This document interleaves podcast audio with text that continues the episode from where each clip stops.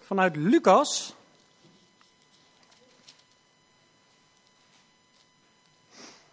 Lucas 23.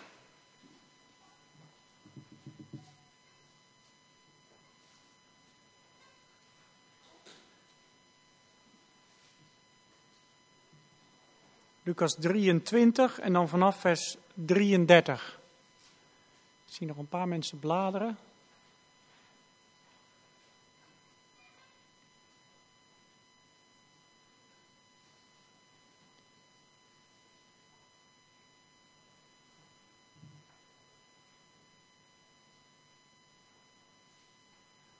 Ja, iedereen heeft het gevonden?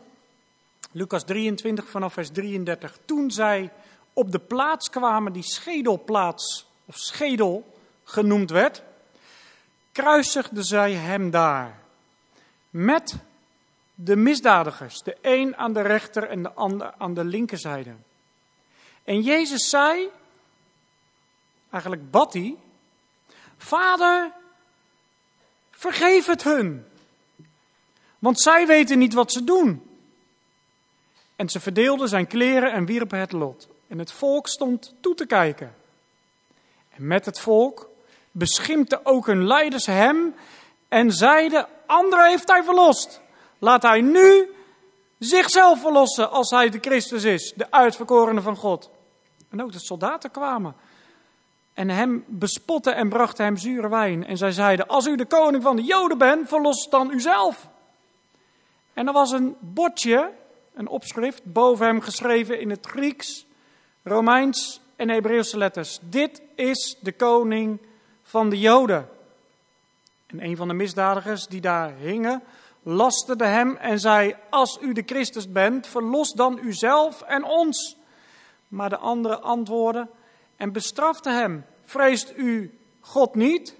U in hetzelfde vonnis, die het hetzelfde vonnis ondergaat? En wij toch rechtvaardig, want wij ontvangen straf overeenkomstig wat we gedaan hebben. Maar deze heeft niets onbehoorlijks gedaan.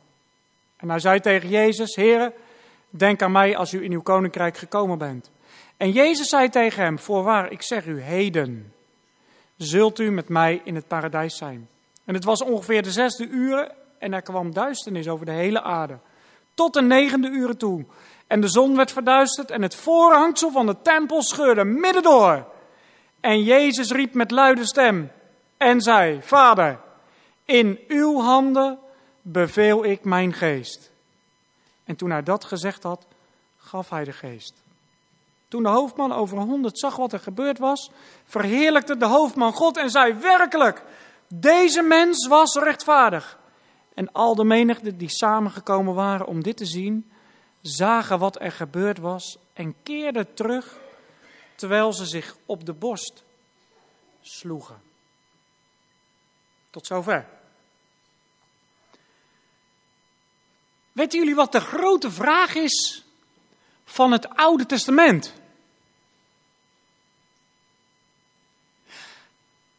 Al in het paradijs, toen Adam en Eva voor zichzelf ontdekten dat ze naakt waren, slachtte God een dier. We mogen het niet invullen, maar ik vermoed een lam. En later, een paar duizend jaar later, toen Abraham leefde en hij van God de opdracht kreeg om Isaac te offeren, vroeg Isaac: Vader, waar is het lam? En het prachtige antwoord van Abraham was: God zal zichzelf een lam ten brandoffer voorzien, mijn zoon. En later gaat de vraag: waar is het lam? een stukje open. Het ging er dus om dat een lam geslacht moest worden en dat het op het altaar verbrand moest worden. En ook door de Joodse feesten heen, met name het Pesachfeest, wat wij vandaag vieren, werd dat zichtbaar. En hoe bijzonder was het dat die Joden verlangden naar een lam, dat daar op een gegeven moment een profeet opstond en riep: Zie het lam. En niet zomaar een lam, maar het lam Gods. En als hij daar nou bij gebleven was, maar nee.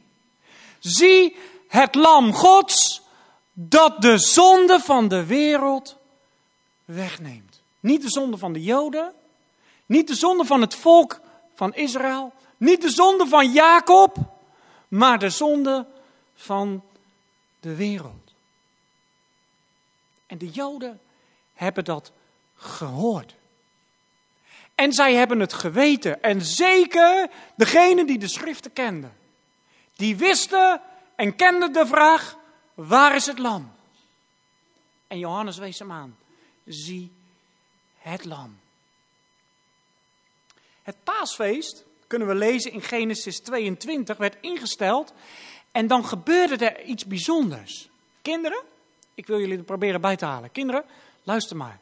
Het paasfeest werd ingesteld en de mensen die toen in Egypte wonen van het volk Israël moesten iets in huis nemen. Wat was dat? Ik zie daar een vinger. Zijn er nog meer vingers die het weten?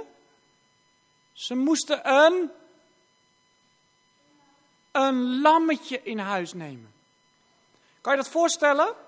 Dat papa of mama vandaag thuis komt en die komt met zo'n lief, schattig, klein lammetje. Nou, je kan je al voorstellen, dat beestje moest een week lang in huis zijn om gekeurd te worden. Dat je al gauw een beetje verliefd werd op dat lammetje, toch? Dat je daar een band mee krijgt. Maar een week lang moest dat lammetje gekeurd worden. En wat gebeurde er een week voor Jezus dood?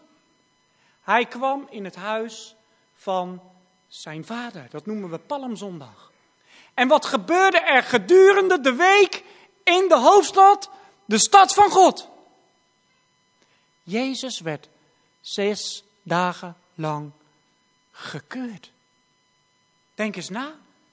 Een van de eerste vragen die op hem afkwam: met welke bevoegdheid denkt u dat u dit doet? Om hem te verzoeken.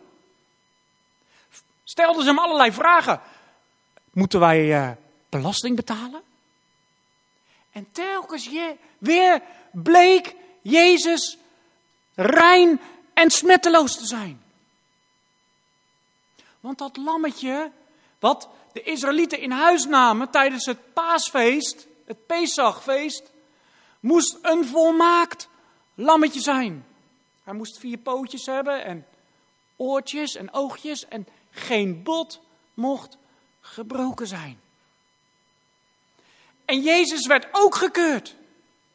En hij werd zelfs zo ver gekeurd voor Pilatus, voor Herodes, voor het Sanhedrin. En ze moesten valse getuigen tegen hem inroepen om hem schuldig te verklaren. Want iedereen moest zeggen, deze mens is onschuldig. Deze mens is rein.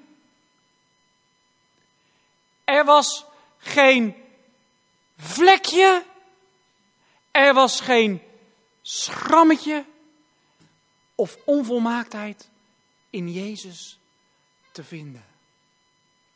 En toch werd Jezus gebracht naar een plaats alsof hij een van de grootste misdadigers was van dat moment. En de mensen die hem haten, die misschien op Palmzondag nog hadden uitgeroepen met de menigte: Hosanna! Gezegend is hij die komt in de naam van de Heer. Riepen nu met de menigte mee: kruisig hem. En Jezus, het lam Gods. Dat op dat moment de zonde van de wereld op zich neemt. Komt daar, als Jezaja 53 het zegt, als een schaap dat stom is. Als een schaap dat niet meer blaat. Wist je dat? Dat als een schaap geschoren moet worden, dat hij heel erg tegenstribbelt Ze moeten er achteraan rennen om dat beest te pakken. Maar als ze hem dan eenmaal hebben en ze tillen hem in de lucht, dan is hij zo mak als een lammetje. Letterlijk en figuurlijk. Dan blaat hij niet meer. En dat werd er met Jezus ook gedaan. De Vader heeft hem meegenomen, heeft hem opgetild. En Jezus heeft geen minuut, geen seconde meer tegengestribbeld. Hij heeft geen enkele keer opstand gehad. Of heeft hij degene die hem schoren of die hem mishandelden of hem martelden, maar boos aangekeken. Nee, we hebben gelezen op het moment dat Jezus aan het kruis wordt genageld, dan bidt hij voor zijn vijanden. Dan bidt hij voor die menigte die daar omheen staan. En we hebben ervan gelezen. Ze hielden hun mond dicht. Ze stonden erbij en ze keken ernaar. En op het moment als Jezus zijn mond gaat openen, dan is het alleen maar zegen. Geen enkele vervloeking, geen enkele spoor van bitterheid, maar zegen voor u en voor mij. Want ik denk toch wel dat we met elkaar beseffen dat het mijn zonden zijn. En dat het onze zonden zijn die hem daar aan dat kruis nagelen. En we beseffen toch wel dat hij daar niet hing om zijn eigen rechtvaardigheid daarmee te tonen, maar om zijn liefde voor ons daar te tonen. Er is een prachtig lied wat zegt dat op het kruis van Golgotha liefde recht ontmoet. We hebben net gezongen dat de wet volbracht en volmaakt moest worden. En Jezus, die de wet volmaakt gehouden had, ontmoette daar de eis van de wet. Degene die zondigt, moet, kinderen, degene moet de dood sterven. Moest Jezus dan sterven? Misschien denk je nee. Ik zeg ja.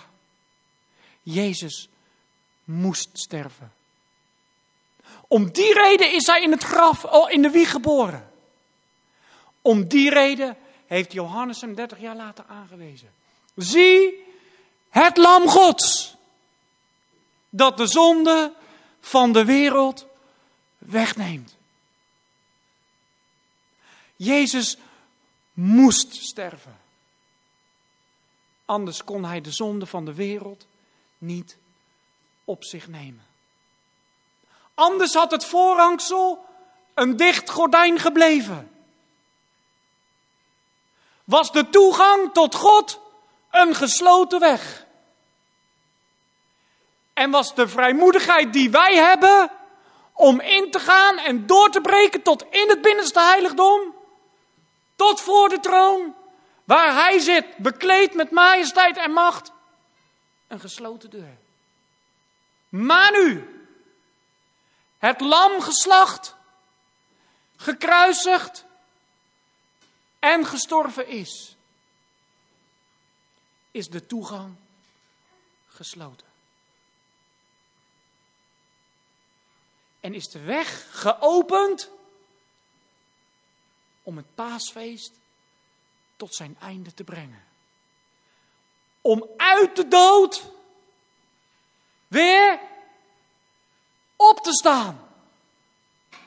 Want het graf kon hem niet houden. Het graf was niet het laatste woord. Omdat Jezus had gezegd: Ik ben de opstanding en het leven. Wie in mij gelooft, zal leven. Ook al was hij gestorven. En zo werd het paasfeest. Op het moment dat Jezus de geest gaf. En dat wil ik benadrukken. Ik heb dat al vaker gezegd. Het was niet de dood die Jezus overwon, maar het was Jezus die de dood gaf. Die zijn leven in de schoot van de dood neerlegde. Hij had gezegd: Ik heb de macht het leven af te leggen en het opnieuw aan te nemen. En zo kunnen we met elkaar avondmaal vieren. Op het moment dat Jezus stierf. En het schijnt zo te zijn, las ik later. In de geschiedenisboeken, het staat niet in de Bijbel, dat het lam wat op het paasfeest geslacht moest worden, kwijt was. Ik weet niet of dat het echt waar is, maar het zou zomaar goed waar kunnen zijn. Want op het moment dat Jezus stierf, dat was het moment van het avondoffer, dat het paaslam geslacht moest worden. En wat zegt Paulus? Want zie, ook ons paaslam is voor ons geslacht. Het paasfeest is vervuld in de kruisdood van Jezus. En daar past maar één antwoord op. Ik geef mijn leven. Hier is mijn leven. En hier is mijn hart.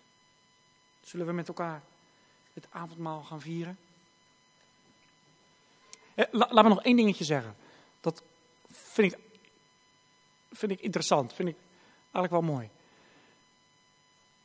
Evangelie staat vier keer in de Bijbel.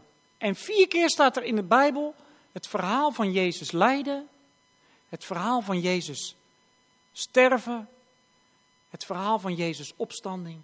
Wordt vier keer beschreven. Maar is het jullie wel eens opgevallen dat er nergens in een van de evangelieën een heel smeuig, bloederig verhaal wordt verteld? Sterker nog, ik heb ze vanmiddag alle vier nog eens zitten lezen. En eigenlijk is het gewoon een opeenvolging van de feiten, van de dingen die zijn gebeurd. En ik zat daar zo over na te denken.